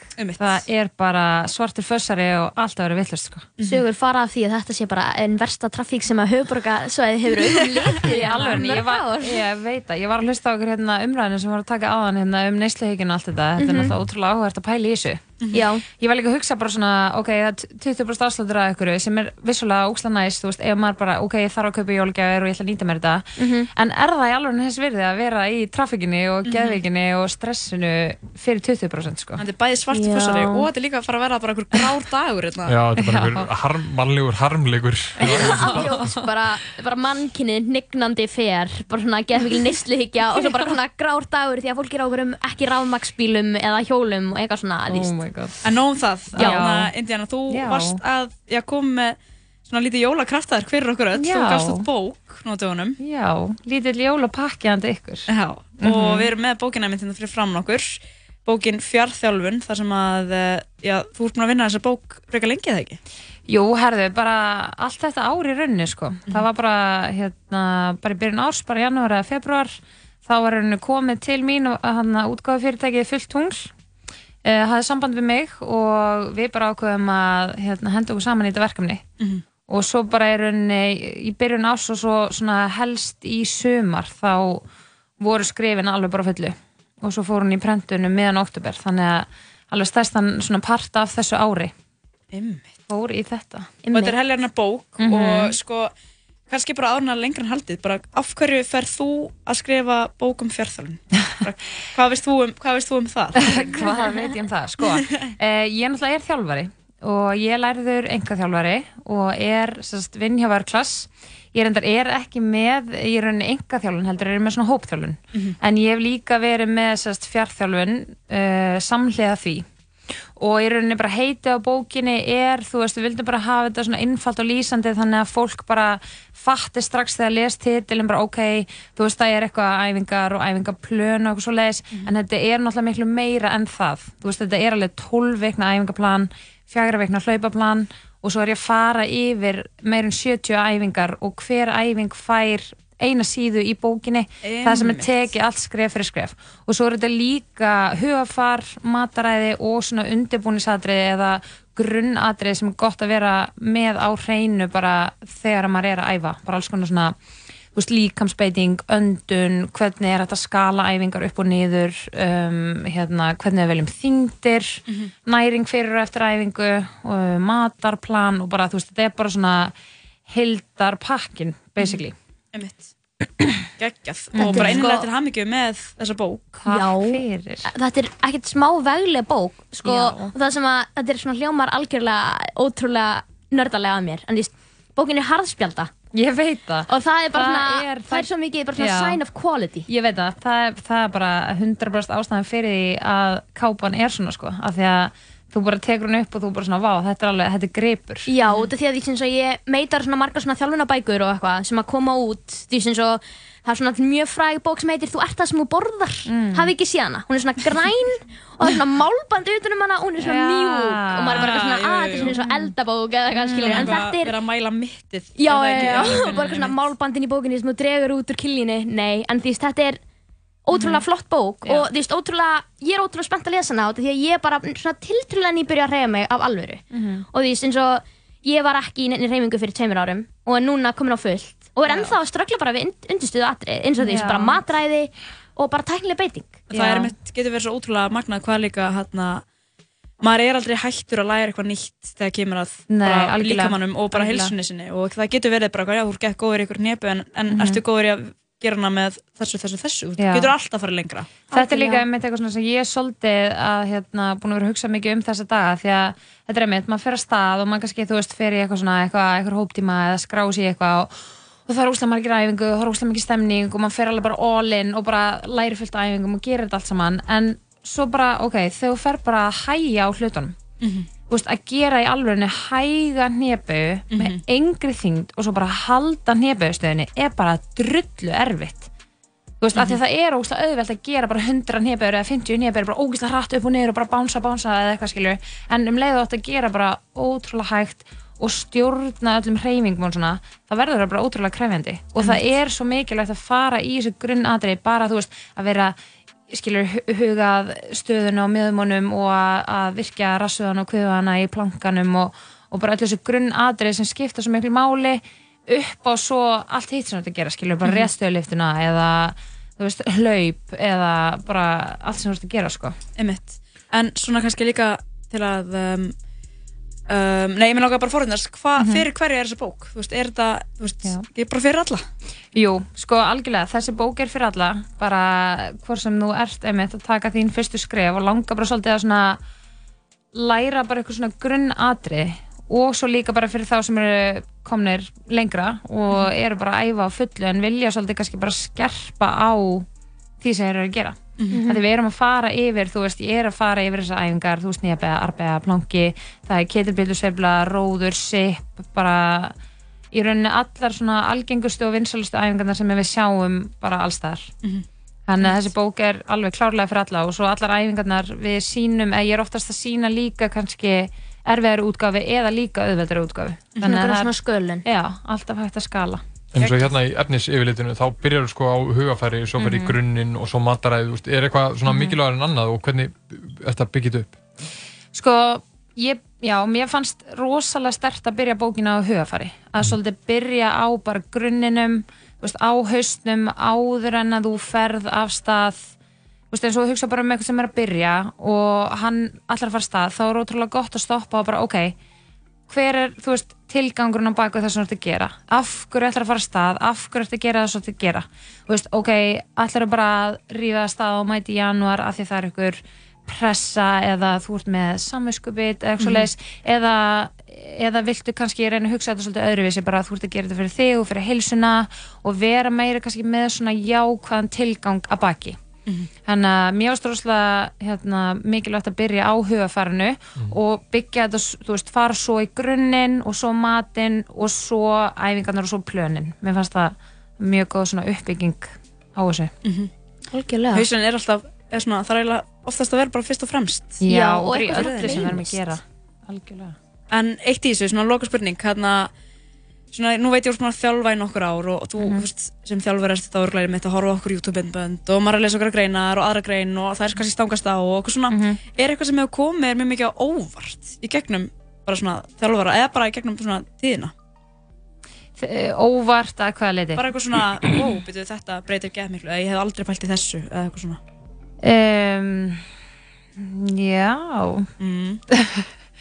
Eh, ég veit ekki sko, það er náttúrulega bara einhvern veginn alltaf eitthvað komur óvart og bara, þú veist, ég held líka bara fólki sem er í þjálfun hjá mér kemur mér stanslust óvart, Einmitt. bara það kemur ykkur inn og þú kannski einhvern veginn, ég veit ekki, bara maður horfir á einhvern og hugsa kannski já, þú veist, þessi veit örgulega kannski ekki mikið eitthvað hvað hann er að gera og svo bara er hún bara geggjuð með ketilbjöllur, geggjuð, þú veist, getur bara gert uppbyggingu eitthvað og bara fólk er stanslust að koma hann óvart Mhm. en svo bara, náttúrulega sem þjálfari þá vil ég mér finnst líka rosalega gott fyrir mig að ákveða ekki að því maður alltaf að hugsa svona, ok, hvernig er rétt að gera réttstöðuliftu hvernig er rétt að gera hnepu? En ég var bara námskeið úti hérna hjá Onnit Academy, eða veitir hvað það er. Joe Rogan og Aubrey Marcus eiga sérst fyrirtæki sem að bara slókanu þeirra bara Total Human Optimization. Mhm. og ég fór sérst að grunnnámskeið hjá þeim í New York fyrir þreymur vikum eða eitthvað. Og þar var ég að spyrja út í þetta og þeir voru að tala um bara þú veist, þú getur gert réttstöðuliftur skilur sem er svolítið meira eins og hnébega og svo Mhm. getur gert réttstöðuliftur sem er svolítið meira eins og þú veist mjamabega og það sem var tærri uppi og þeir voru að segja bara þú veist, það þarf ekki alltaf að vera bara á einn veg heldur Mhm. viltu bara nota alla litina í bóksinu og geta verið góður í öllum stöðum Mhm. þannig að það er eitthvað sem ég er svolítið búin að læra nýlega í staðan fyrir að vera bara ok, svona gerur þetta eða svona gerur þetta að hugsa að þetta er ekki alltaf bara einn veg og vera svolítið opinn fyrir því Ég hef oft pælt í þessu að ég hérna, hef líka hans fyrir að þjálfa og kannski Mhm. horfum maður á aðla og hann er að gera eitthvað og maður er svona, veitu, ég er að fara að stoppa hann svo er ég bara eitthvað, byttu, er hann að gera þetta vittlaust eða er hann bara að gera þetta ekki eins og ég ger þetta. Fatti? Mhm. og þá kannski er maður eitthvað, ok, prófa þetta ok, nei, nei, hættu, haltu bara áfram því sem þú varst að gera það var bara flott, eitthvað hérna Já. en, og mér finnst það oft vera svona kannski eitthvað sem að glemist sko. Mhm. en hvað er hægt að fá þessa bók? Sko, það er hægt að kaupa hana á netinu sem er náttúrulega ótrúlega þægilegt inn á fullttungl.is Mhm. og hún er þar á 5 og 5 og 5 held ég. Og það er sko ef þú pantar eitthvað svona fleiri en eina þá er frí heimsending og ef þú pantar fyrir 12 þá farið sendt heim samdags þannig að Mhm. eitthvað svona ef tveir alltaf panta saman eitthvað það er óslega sniðt og svo er þetta náttúrulega bara í öllum helstu bókabúðum, þú veist, eh, bónus, hagkaup, pennanum og A4, málmenning og Frábært, allt helstu, þetta helstu helsta. búðum en bara Indiana, takk kærlega fyrir komuna og gangi er vel og bara takk fyrir bókina. Takk. Já, takk fyrir Þetta- okkur. við tökum eina æfingu hérna í, á meðan lagi, lagi er hérna. En mér langar líka að bara Mhm. segja öllum sem er að hlusta að Indiana er líka með Instagram-reikning þar sem að hún deilir ótrúlega skemmtilegum æfingum og ég verið að fylgjast með þér í mjög langan tíma. Þannig að ef eitthvað vantar inspo fyrir ræktina þá er hún með ótrúlega gaglegar æfingar sem að þetta er að skoða Herri, við uh, ætlum að fá að hendi í lag Þetta er Future og The Weeknd lagið Coming Out Strong og svo verður Arnar Eggert komin í græn. Jú, pop-professorinn Hækur að spæða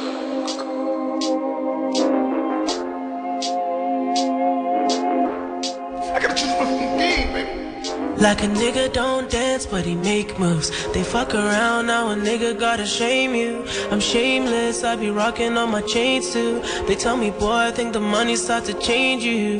Lord save you, Lord save you. Remember running through the city in the same shoes.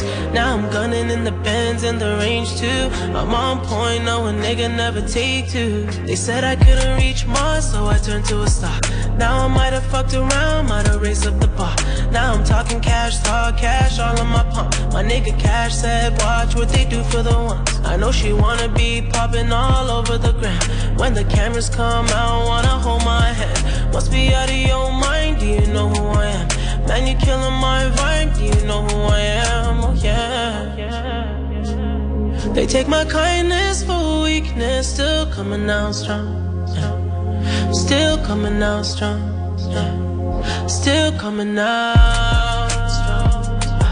Take my kindness for weakness, still coming out strong. Still coming out strong. Yeah. Still coming I might end up with your hoe if I take one. Nowadays, if they don't have a story, they gon' make one. Last night I gave my heart to a fake one. I done end up on the blogs with the wrong one. It's hard to tell the real stories from the fake ones. Cause nowadays, if they don't got it, they'll make one. The only time I feel alive when I taste it. I wanna vent, but I know it ain't safe. Dick. Must be out in your mind. Do you know who I am? Look ahead at me, ain't. Do you know who I am? I can't give you all my tape. Do you know who I am? Make you fall in love tonight. Must don't know who I am. I am. I showed you a million, no video, no video. I open up many doors, I invented doors.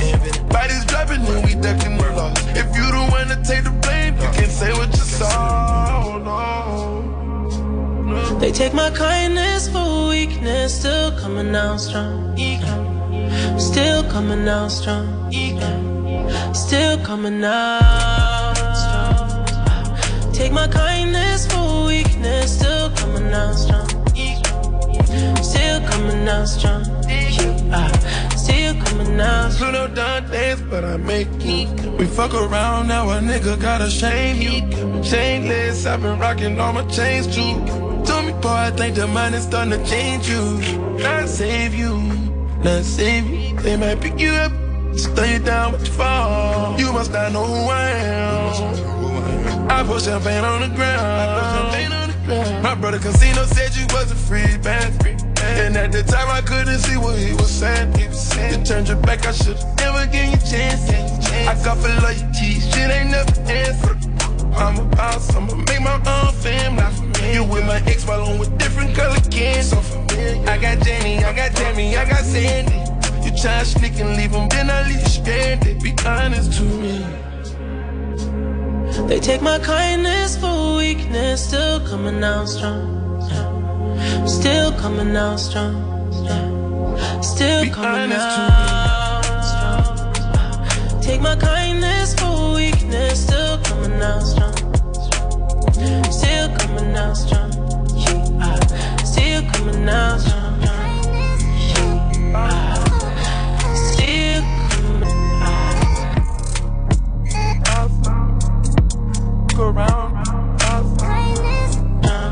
like a nigga who dance. Ah. They fuck around.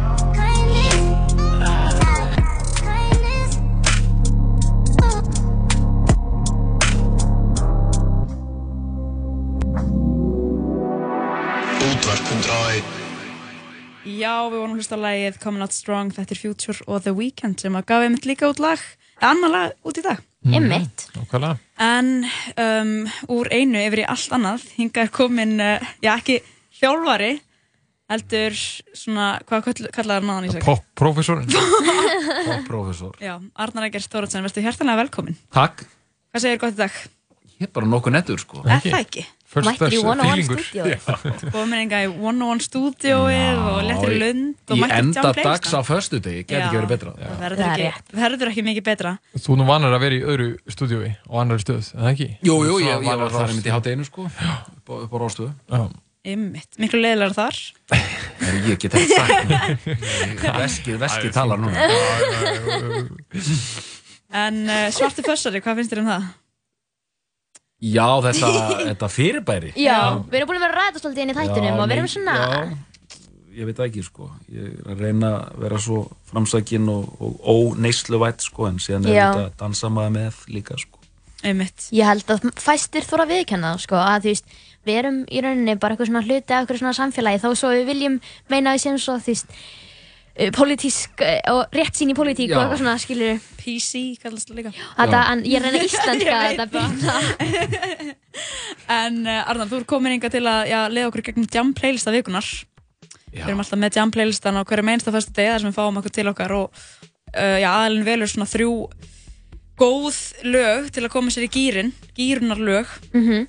Og þú ert nú heldur betur búin að velja lög Já, ég, ég, sko, ég bara strax, ég fór að hugsa hvernig ég ætti að spila þetta, en ég ákvaði að hugsa bara tilbaka, sko. mm Já. sko, því ég er auðvitað, ég er hérna, hérna retired, sko, í, í djamminu. Í djamminu. Já, já, við Stimplaði vorum, út sko, við vorum viss, vissum að þú væri sko kempa í, í popfræðunum sko, en hvort þú væri djam kempa var, er svo önnur spurning sko. Sko, ég var auðvitað djam kempa, sko, Já, já. En, en ekki lengur, sko. En þarna, þú veist, þetta er allt svona 93, 1993. Einmitt. Ég skil. Á, ég, ég að segja hvað lög þetta eru? Sko, þú mátt byrja á fyrsta læginu sem var Á ég fyrst að segja frá því, sko. Og svona. Já, já, sko, þetta var bara, þetta var sömari 93 þegar ég var 19 ára og þá var drukki stíft allar helgar og, og, og, og allt brjálað og þá var bara, eins og þið þekki, það er alltaf ákveðin soundtrack í gangi og þessi plata, Check Your Head með hérna Beastie Boys var mikið spiluð þetta sömarið, Einmitt. eiginlega bara stanslust og ég valdi bara fyrsta lagið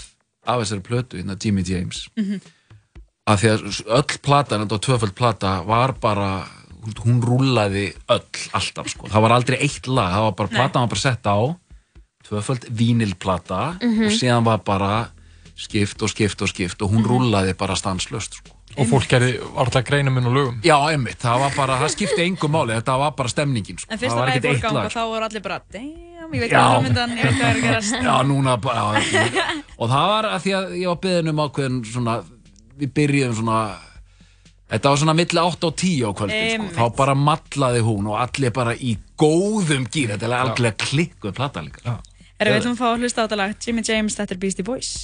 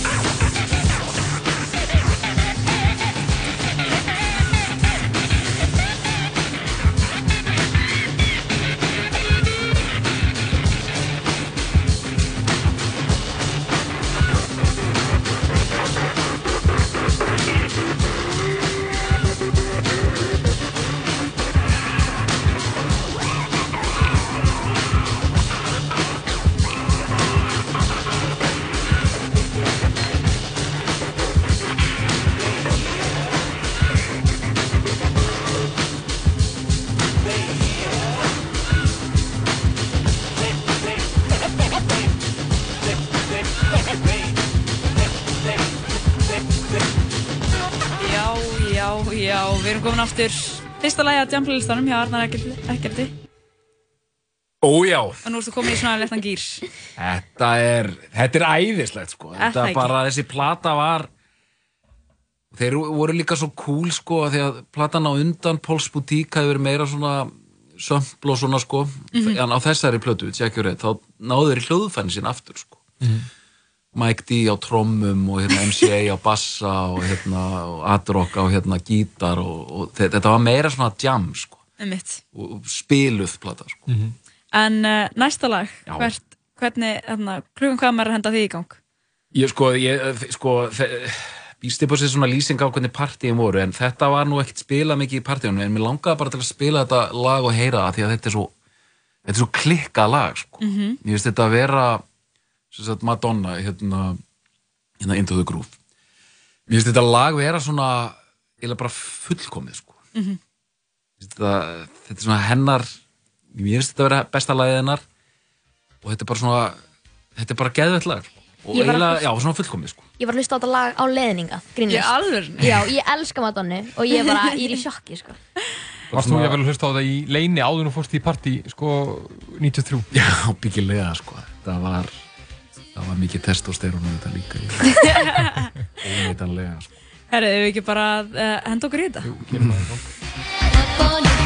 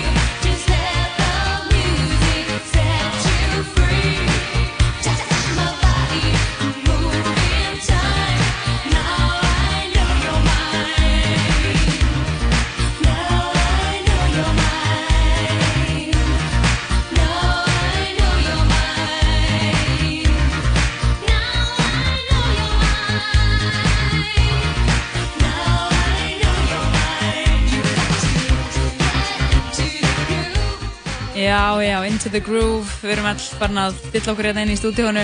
Já, því ekki. Þetta er Madonna, annað lagið af Jam-playlistanum hjá Arnar Egerti.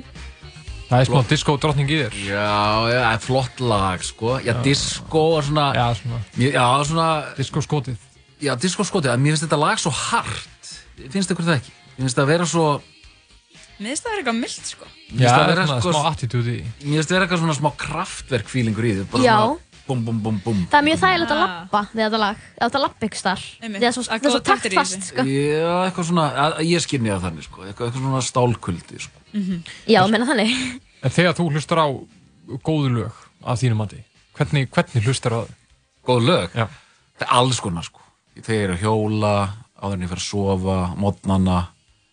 ég er þarf ekkert svona að, að, að Ég þarf ekki mikið að undirbúa mig, sko. Nei. Þú verður hvar og hvenær sem er, sko. Og ertu sífellt hlustandi eða, eða tekur Já, alltaf, sko. Ég, allt, ég, sko ég, ég get ekki, ég hlusta mjög lítið á hlaðverfa því að það tefur tíman frá því að hlusta tónlist, sko. Einmitt. Áhugavert. Tím, tíminn líður rætt, sko. En þegar þú hlustar á útvarp, eða bara sífellt skiptandi ef fólk verður að tala Ég, ég hlusta bara á að lítið á. Já, já. Það er meira bara að hlusta á því úr símanuðinu með eitthvað tengt við Ég, það bara, og ég er auðvitað að hlusta svo mikið á plötur að því ég er bara þeirri kynslu, sko. mm Einmitt En fer það, fer það ekki hringi eins og annað? Hæ? Fer það ekki hringi eins og annað? Er platan ekki alltaf, verður hún ekki sterkari með tímanum? Kanski, ég, mað, fólk er að hafa áhyggjur af þessari lagaspottavæðingu, sko, svo við þýði play, playlist. En, uh, já, ég, já, jú, ég veit það ekki. En þú veist, þetta, er of löng pæling. Ég er Einmitt. mjög hérna, meðvitaðan um tíman. Það er þetta líka, við ætlum að, við ætlum að vera hérna í fullu fjöri og fá að heyra síðasta lagið af þér Heyrðu, þetta er, þetta er curveball, þetta er hérna boomerang, þetta er bara úr einhverju fáránlegu hodni, það átti engin von á þessu, sko. Nei. Þetta var, sko, ég, var, ég gróf upp, ég kefti tóltómu með hljómsveit sem heitir Corduroy, hérna Ok. upp á 90. Og ég vissi ekkert hvað það var og ég veit valla hvað þetta er í dag, sko, en þetta var svona brest acid jazz band, sko. Mhm. Upp á 90 þá var voða mikið svona acid jazz fílingur, en acid jazz var samt eiginlega ekkert jazz, þetta var meira svona funk, sko. Veist, Mhm. Jamiroquai var daldið svona gott dæmi um það, sko. Og þetta lag er á bjelliðin á þessari tóldómu, sko. Þetta er- ekki aðalagið, sko. Ok Þetta er bara svona bjelliðalag, sko, en þetta lag er gjörsanlega, þarna voru allir komni, sko, nú var klukkan komin yfir minnati, sko. Einmitt, já það er myndi að koma að því sko, hvað er klukkan? Það er mjög Klukkan, að komin yfir minnati og það er búið að ringja á leigubilin. Já, Já, við erum að tala um það það er og að draga fólk út Þetta Og allt í síðustu soparnir allt við, sko, fólk stóð upp í sófónum og upp á, ekki í, í sófónu heldur upp á, sko, bakinu á sófónu Já, já, já. og svona, komið bara út um allt og bara stemning Mhm. geðveik stemning Stemning.is. Þeir eru Egil, takk Og reykt fyrir inni. komuna er bara, bara gaman að sjá okkur Sjá bara, þetta var ekki snill, við ætlum að láta þetta vera loka lagið á okkur í dag og bara, kæri hlustandi, þetta er bara fössara, fössara lagið. Já, þetta er til þín. Þetta er til því